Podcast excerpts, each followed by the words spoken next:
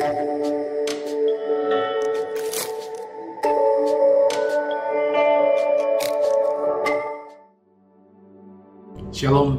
saudara kekasih.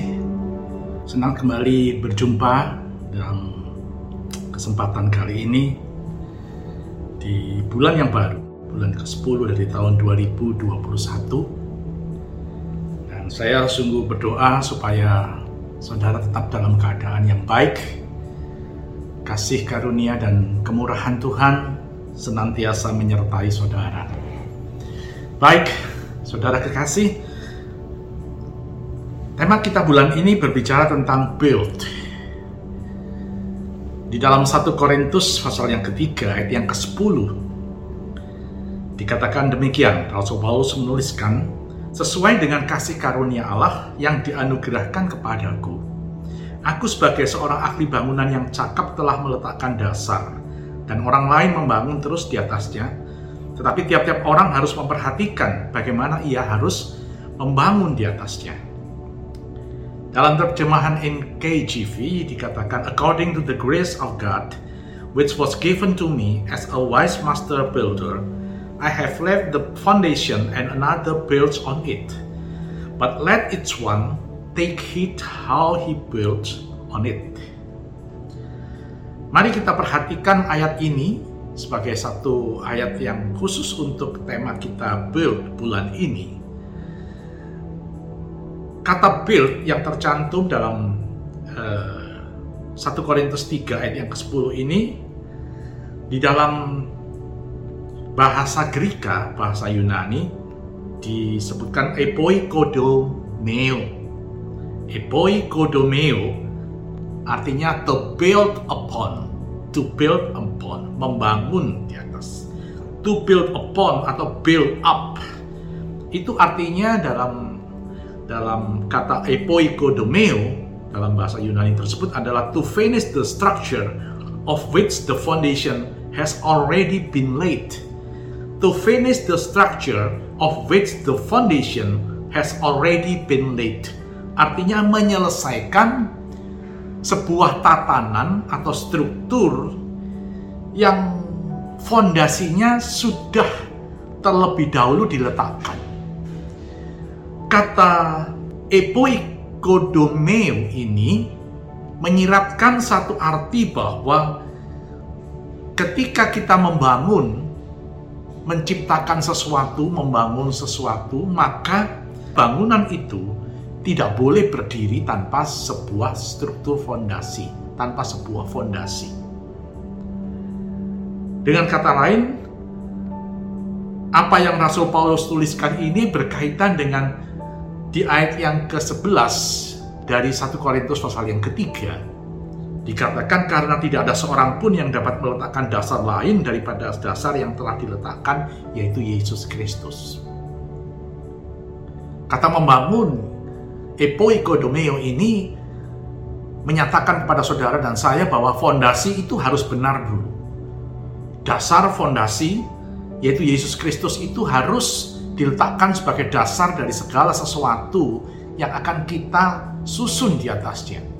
Apa pun yang saudara kerjakan, apa pun yang saudara lakukan hari-hari ini, saudara harus mempunyai dasar yang kokoh terlebih dahulu.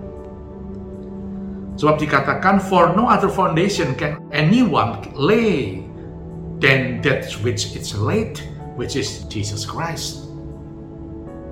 Fondasi kehidupan saudara dan saya hari-hari ini kita betul-betul diuji dengan situasi yang terjadi saat ini.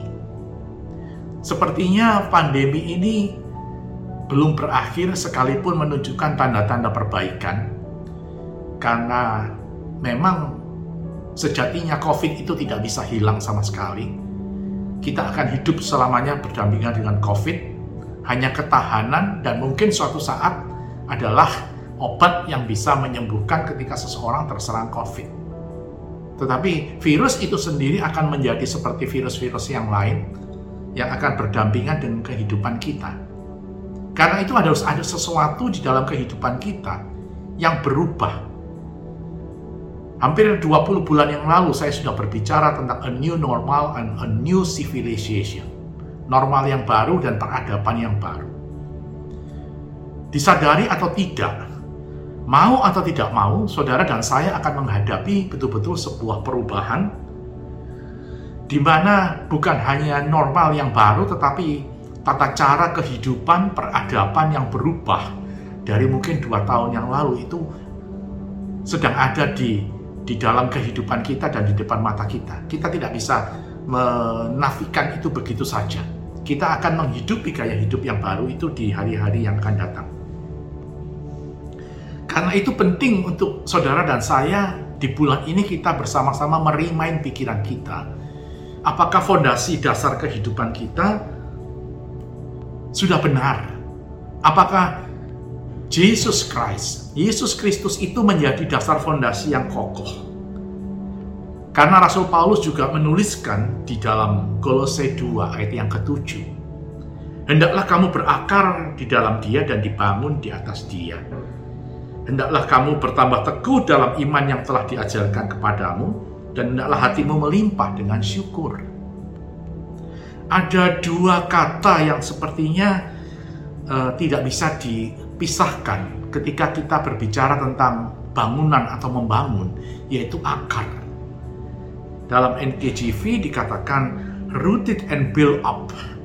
Rooted and built up in Him and established in faith as you have been taught abounding in it with thanksgiving. Artinya berakar dan dibangun di atas dasar dia yang established di dalam iman, yang bertambah teguh di dalam iman percaya. Artinya bahwa akar itu harus menjadi dasar fondasi kehidupan saudara dan saya hari-hari termasuk dalam kehidupan pribadi saudara maupun di dalam pekerjaan bisnis saudara. Kata berakar itu menjadi sesuatu yang penting dan sangat bermakna. Karena kalau kita tidak hati-hati dan kita salah menempatkan atau memindahkan sebuah bangunan atau sebuah pohon, maka akar itu bisa mudah kembali dan bahkan mematikan pohon itu sendiri. Saya mempunyai sebuah contoh yang saudara bisa lihat di klip video yang berikut ini tentang sebuah pohon yang kokoh dari batangnya dan sudah berakar dan jadi. Ketika dia ditempatkan dipindah di suatu tempat yang baru, dia tidak bisa bertumbuh lagi dengan baik bahkan pada beberapa bulan kemudian dia mati karena akarnya tidak bisa menyesuaikan diri sekalipun tanah yang ditempati oleh batang pohon ini adalah tanah yang subur. Kita harus berhati-hati memindahkan akar kalau memang akar kehidupan saudara itu fondasinya sudah terletak dengan benar Jangan mudah untuk berpindah dan goyah kepada suatu tanah tempat yang subur yang saudara lihat. Ketika saudara tidak punya satu gambaran yang jelas bahwa ketika saudara memindahkan batang kehidupan saudara yang sudah berakar ke bawah ini di tempat yang baru, saudara yakin bahwa iman saudara tidak goyah sehingga akar itu tetap bisa menyuplai makanan dan batang itu tumbuh dengan baik. Ini yang harus kita perhatikan di hari-hari perubahan yang seperti ini, di musim perubahan yang terjadi seperti ini. Karena perjalanan kita berdasarkan fondasi akar yang sudah dibangun. Memang ada perubahan, tetapi akar itu harus tetap kokoh untuk menancap di tanah yang sudah saudara bangun terlebih dahulu di musim-musim yang lalu. Sekalipun ini musim yang baru, tetapi jangan gegabah untuk memindahkan akar kehidupan saudara yang menjadi dasar patokan yang saudara yakini itu sebagai sebuah penopang atau penunjang daripada kehidupan saudara bersama keluarga. Karena itu akan menyebabkan saudara memulai satu uh, satu perjalanan yang baru yang belum tentu akar kehidupan saudara mampu untuk tumbuh di musim-musim perubahan yang seperti ini.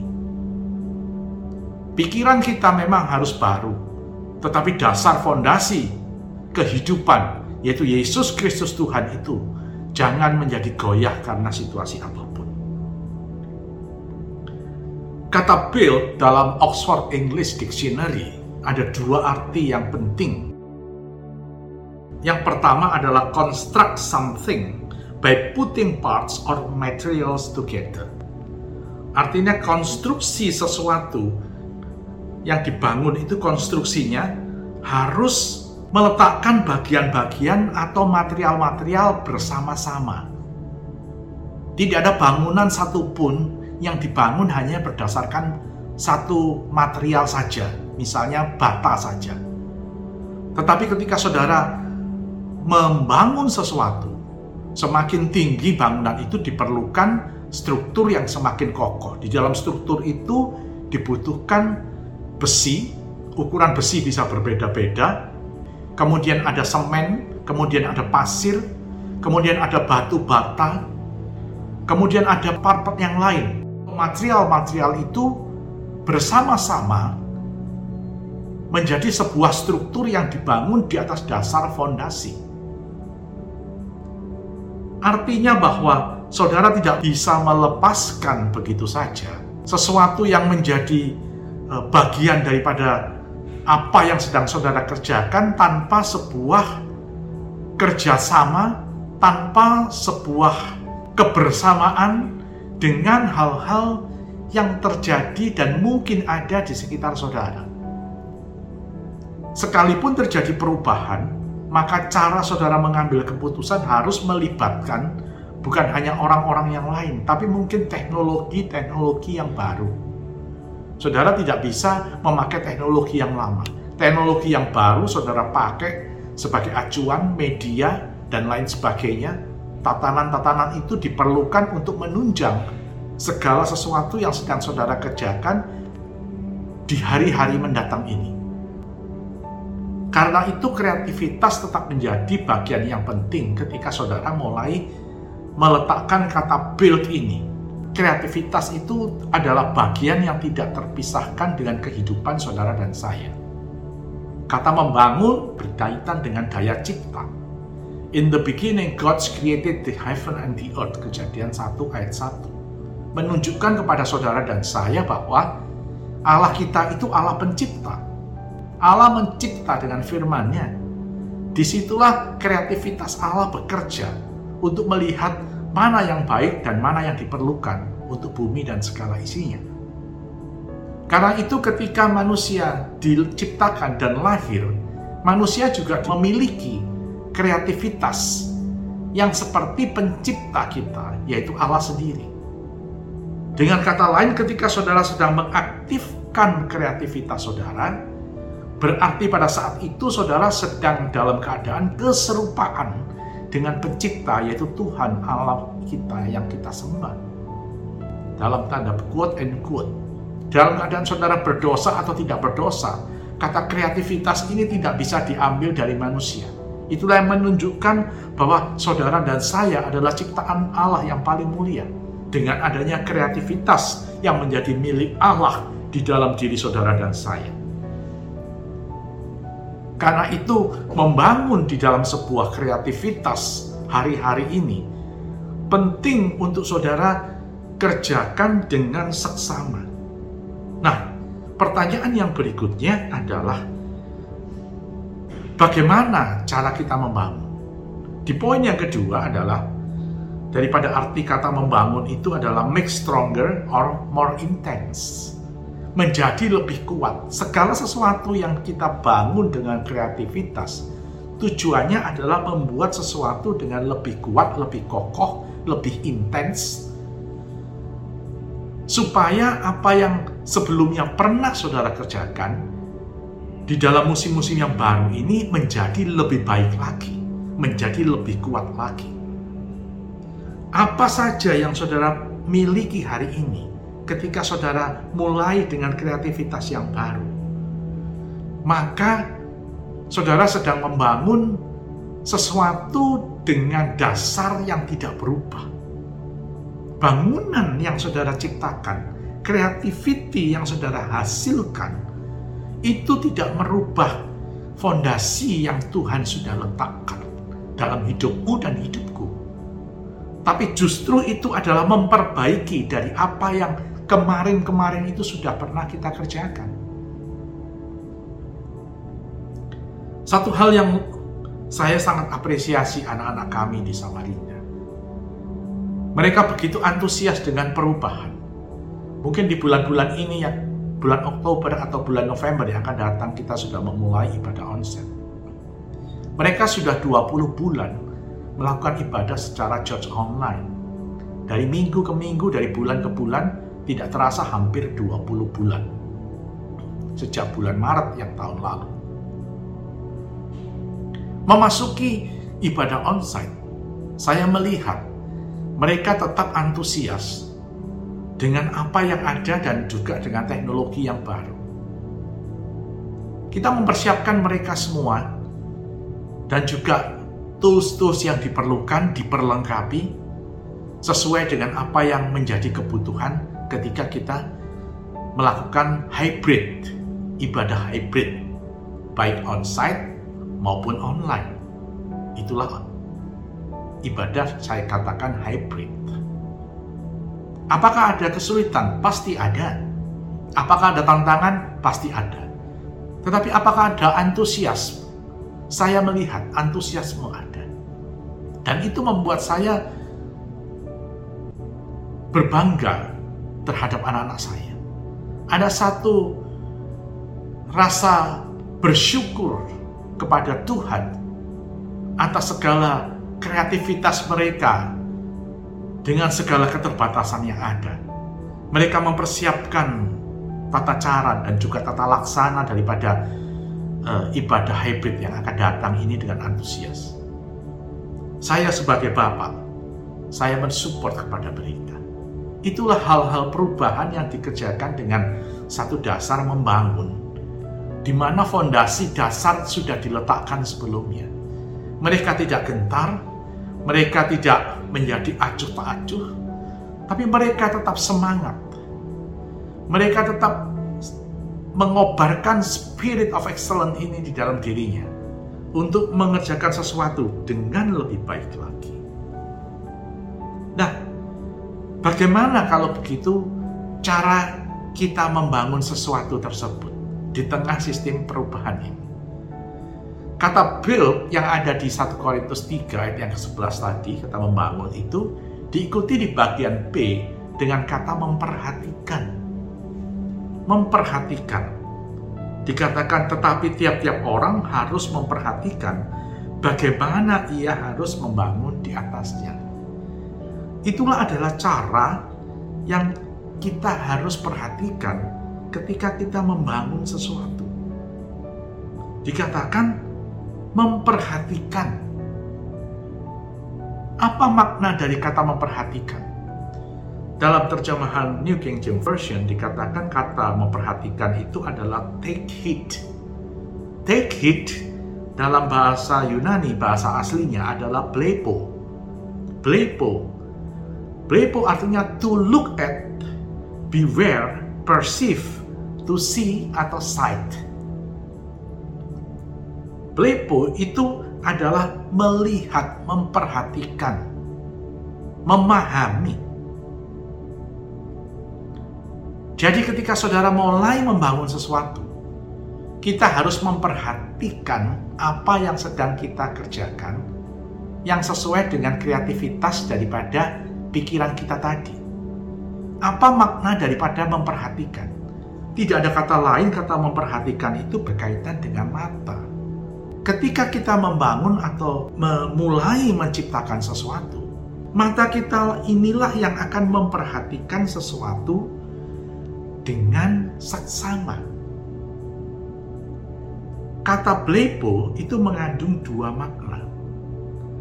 Yang pertama adalah to be possessed of sight, have the power of seeing To be possessed of sight, have the power of seeing, kuasa untuk memiliki pemahaman atau understanding.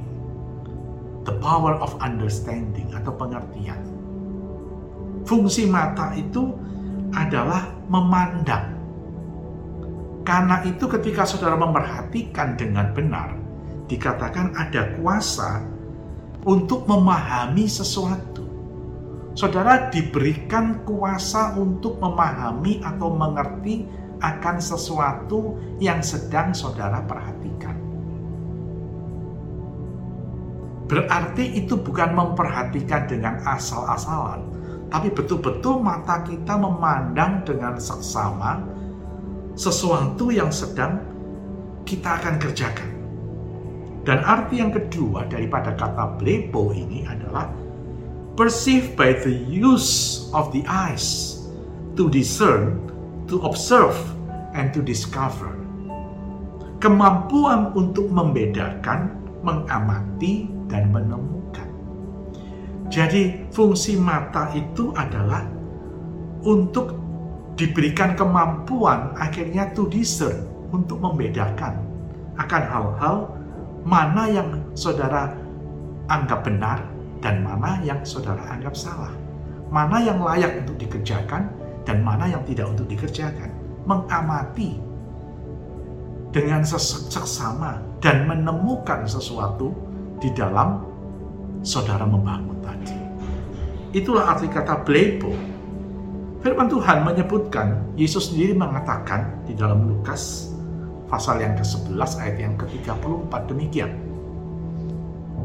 Matamu adalah pelita tubuhmu. Matamu adalah pelita tubuhmu. Jika matamu baik, teranglah seluruh tubuhmu. Tetapi jika matamu jahat, gelaplah tubuhmu. Kalimat yang pertama bagian A dikatakan, matamu adalah pelita tubuh. Mata kita adalah pelita tubuh.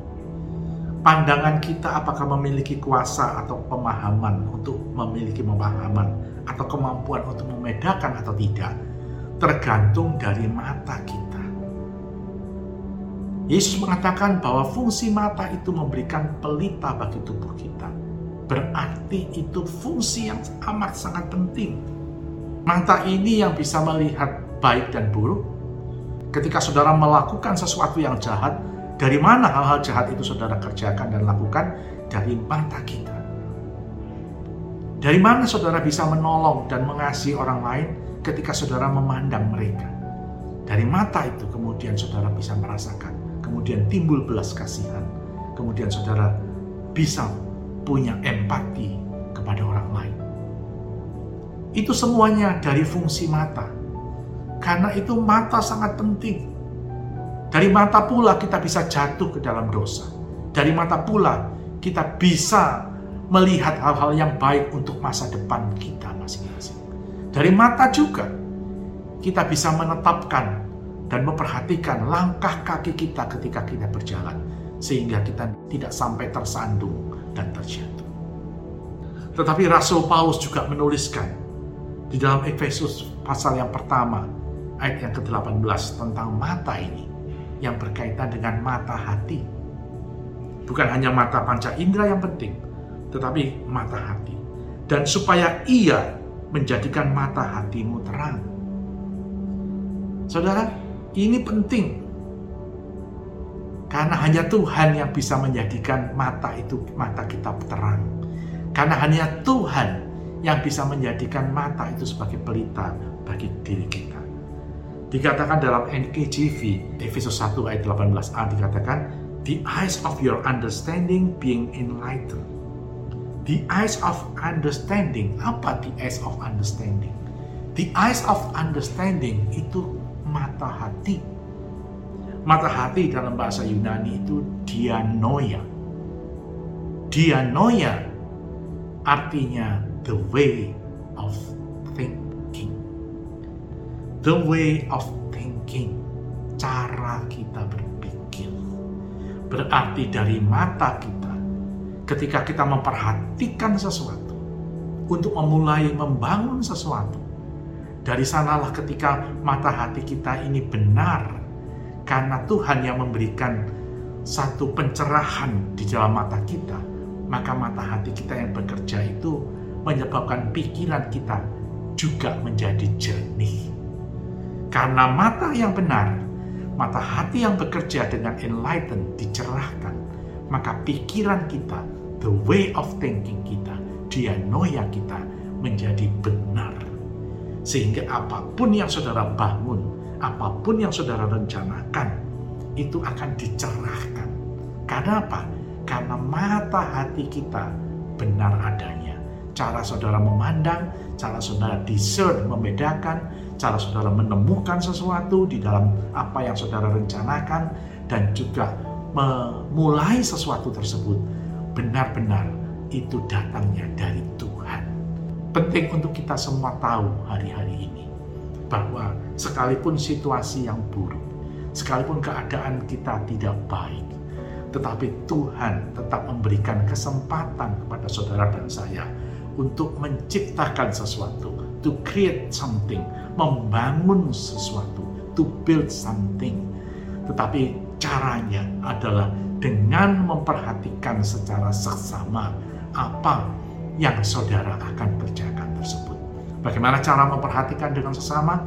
Ketika mata saudara yang menjadi pelita tubuh saudara dalam keadaan baik dan benar, yaitu mata hati yang terah yang menyebabkan cara berpikir saudara adalah cara berpikir yang benar. Dan saya percaya, seperti apa yang dituliskan oleh Tuhan sendiri di dalam kejadian pasal yang ke-11 ayat yang ke-6b sebagai ayat penutup dikatakan begini dan ini barulah permulaan dari usaha mereka ini barulah permulaan usaha mereka mulai dari sekarang, apa pun juga yang mereka rencanakan, tidak ada yang tidak akan dapat terlaksana. Mulai dari sekarang ini, di dalam situasi pandemi yang sulit sekalipun, apa pun juga yang saudara rencanakan. Untuk mulai membangun sesuatu, merencanakan, menciptakan sesuatu, memulai usaha yang baru, atau menata ulang sesuatu yang baru. Yang saudara rencanakan dengan benar, saudara perhatikan benar-benar, maka dikatakan tidak ada yang tidak akan dapat terlaksana. Artinya setiap berkat Tuhan ketika saudara percaya dan saudara menerima itu sebagai satu ketetapan iman karena saudara ada di dalam fondasi yang tidak goyah. Saudara tidak berpindah-pindah kepada tanah-tanah yang lain, tapi saudara memantapkan hidup saudara di tanah di mana Tuhan sudah meletakkan saudara hari ini dan saudara bertumbuh di dalamnya, maka saudara akan diberikan kesempatan untuk mendapatkan hal-hal yang baru yang saudara rencanakan di musim perubahan yang seperti ini. Tetap apa pun yang saudara rencanakan, berkat Tuhan tidak akan pernah berkekurangan. Berkat Tuhan akan terus mengalir dan melimpah di tengah situasi yang sulit apa pun. Karena apa? Karena mata saudara memperhatikan dengan sesama, saudara menemukan hal-hal yang baru yang sekalipun saudara sebelumnya belum pernah saudara lihat, belum pernah saudara dengar, dan belum pernah timbul dalam hati saudara. Tapi karena saudara mengasihi Tuhan, katakan diberikan kepada orang-orang yang mengasihi Dia. Terpujilah nama Tuhan. Haleluya. Tuhan Yesus memberkati saudara sekalian. Amin.